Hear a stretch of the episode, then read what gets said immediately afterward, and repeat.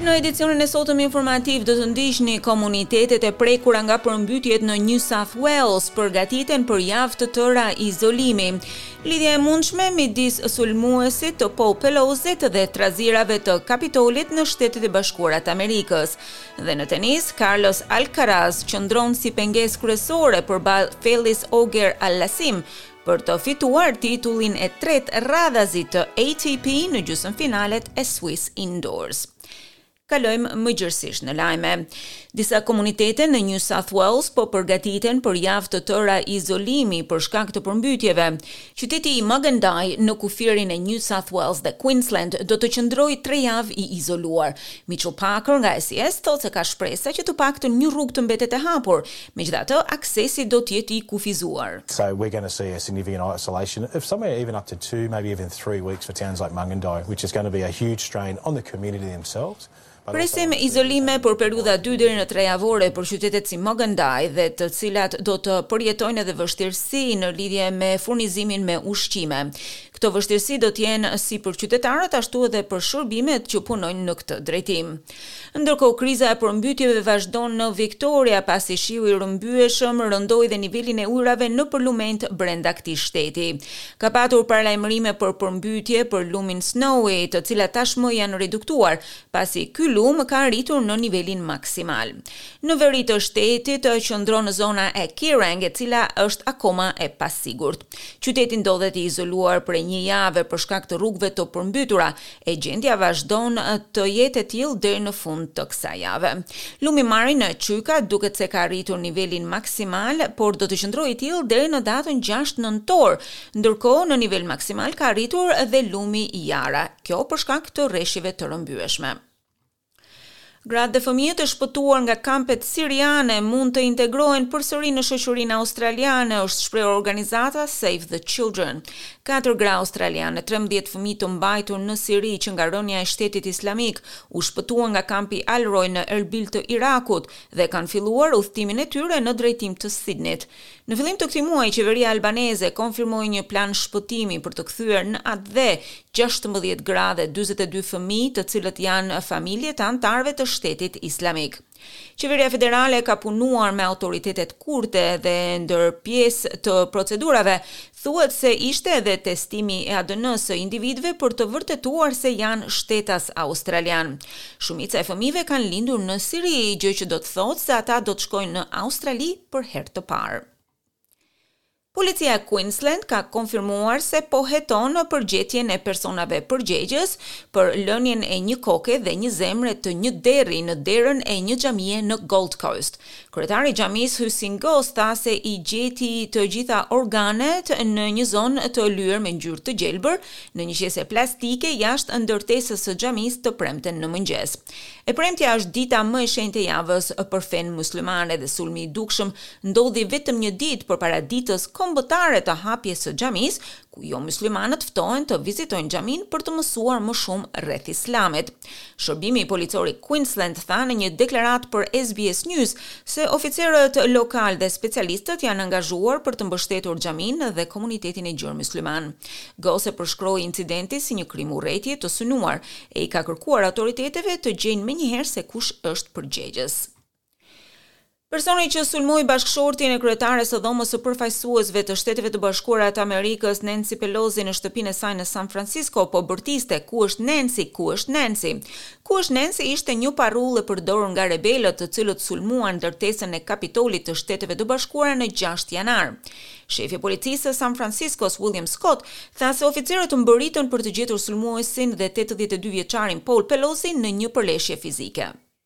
When the officers arrived on scene, they encountered an adult male and Mister Pelosi's husband, Paul. Our officers observed Kur oficerët arritën në vendngjarje, ata u pritën nga një mashkull dhe bashkëshorti i zonjës Pelosi, Paul. Oficerët tanë panë se i dyshuari mbante një çekiç. Oficerët e sulmuan menjëherë, e çarmatosën dhe e morën në paraburgim, kërkuan ndihmë urgjente dhe i dhanë ndihmë mjekësore viktimës. I dyshuari ishte i identifikuari dyzet e dy vjeçar David DePape. Pelosi ndërkohë u trajtua nga mjekët për mavijosje, enjtje të rënda, lëndime në kokë dhe në trup, megjithatë pritet të shërohet plotësisht. Nancy Pelosi nuk ishte në shtëpi në momentin e incidentit. Pentagoni ka njoftuar një paketë ndihme sigurie prej katërqind e njëzet e nëntë milionë dollarësh australianë për Ukrainën, zëvendëssekretarja e shtypit të Pentagonit, Sabrina Singh bëri njoftimin. Today, the department is announcing the authorization of the twenty fourth presidential drawdown of security assistance valued Sot departamenti ka shpallur autorizimin e tërheqjes së njëzet e katër presidenciale në ndihmë të sigurisë me vlerë deri në dyqind e shtatëdhjetë e pesë milionë dollarë, kjo në lidhje me përmbushjen e nevojës kritike të sigurisë dhe mbrojtjes së Ukrainës. Ky autorizim është tërheqja e njëzet e katër e inventarit dhe aftësitë e kësaj pakete do të shkojnë për municione shtesë, për sistemet e raketave të artilerisë me lëvizshmëri të lartë, fishekë të drejtuar me saktësi, fishekë artilerie e të tjerë. Pentagoni ka njoftuar se Koreja e Veriut ka lëshuar dy raketa balistike me rreze të shkurtër veprimi të premten. Zëvendës sekretarja e shtypit të Pentagonit, Sabrina Singh u shpreh. we can confirm that uh, North Korea did launch two ballistic missiles. Um, we have assessed that these uh, Mund të konfirmojmë se Korea e Veriut ka lëshuar dy raketa balistike. Kjo ngjarje nuk përbën ndonjë kërcënim të menjëhershëm për personelin e Shteteve të Bashkuara apo për aleatët tanë. Megjithatë, veprimet e ndërmarra nga Korea e Veriut përbëjnë përsëri një kërcënim për angazhimin tonë ndaj Republikës së Koresë dhe Japonisë. Vendimi ynë mbetet i hekurt. Lëshimi i njëpasnjëshëm, testet e raketave balistike që nga katërmbëdhjetë tetori erdhën në ditën e fundit të stërvitjeve vjetore në terrenin e Koresë së Jugut. Javën e ardhshme, Forcat Ajrore të Koresë së Jugut dhe Shteteve të Bashkuara planifikojnë të kryejnë një stërvitje në shkallë të gjerë. Elon Musk ka marrë kontrollin e Twitter pas një beteje të stërgjatur ligjore dhe muajsh pasigurie. Pyetja është tani se çfarë do të bëjë drejtori dhe miliarderi i Teslës me platformën e mediave sociale.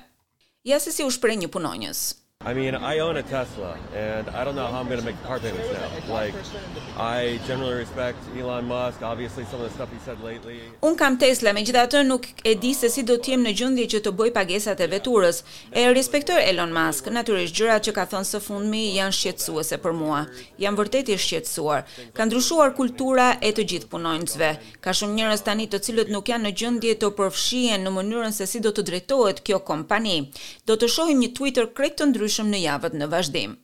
Shitja me vlerë dyzet e katër miliardë dollarë do të thotë se Twitter tani do të bëhet kompani private ku investitorët nuk do të jenë më në gjendje të blejnë aksione. Bursa e Nju Jorkut pezulloi tregtimin e aksioneve të kësaj kompanie ditën e premte.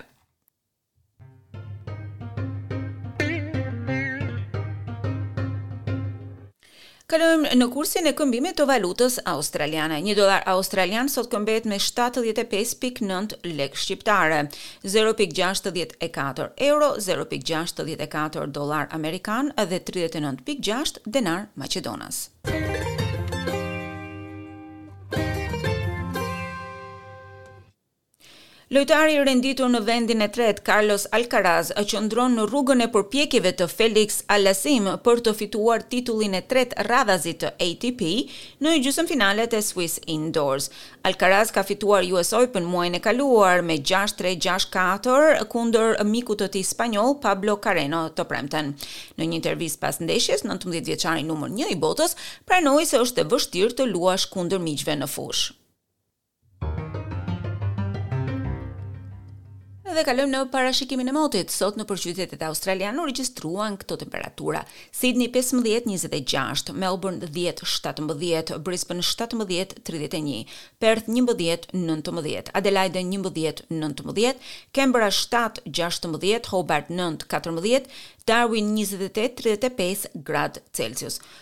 Për nesër, Byroja e Parashikimit të Motit sjell këto temperatura, Sidni trembëdhjetë, njëzet e tre, Melburn tetë, njëzet e një, Brisbën shtatëmbëdhjetë, tridhjetë, Perth tetë, tetëmbëdhjetë, Adelaide njëmbëdhjetë, njëzet e pesë, Canberra pesë, njëzet, Hobart shtatë, shtatëmbëdhjetë dhe Darwin njëzet e tetë, tridhjetë e pesë, gradë Celsius.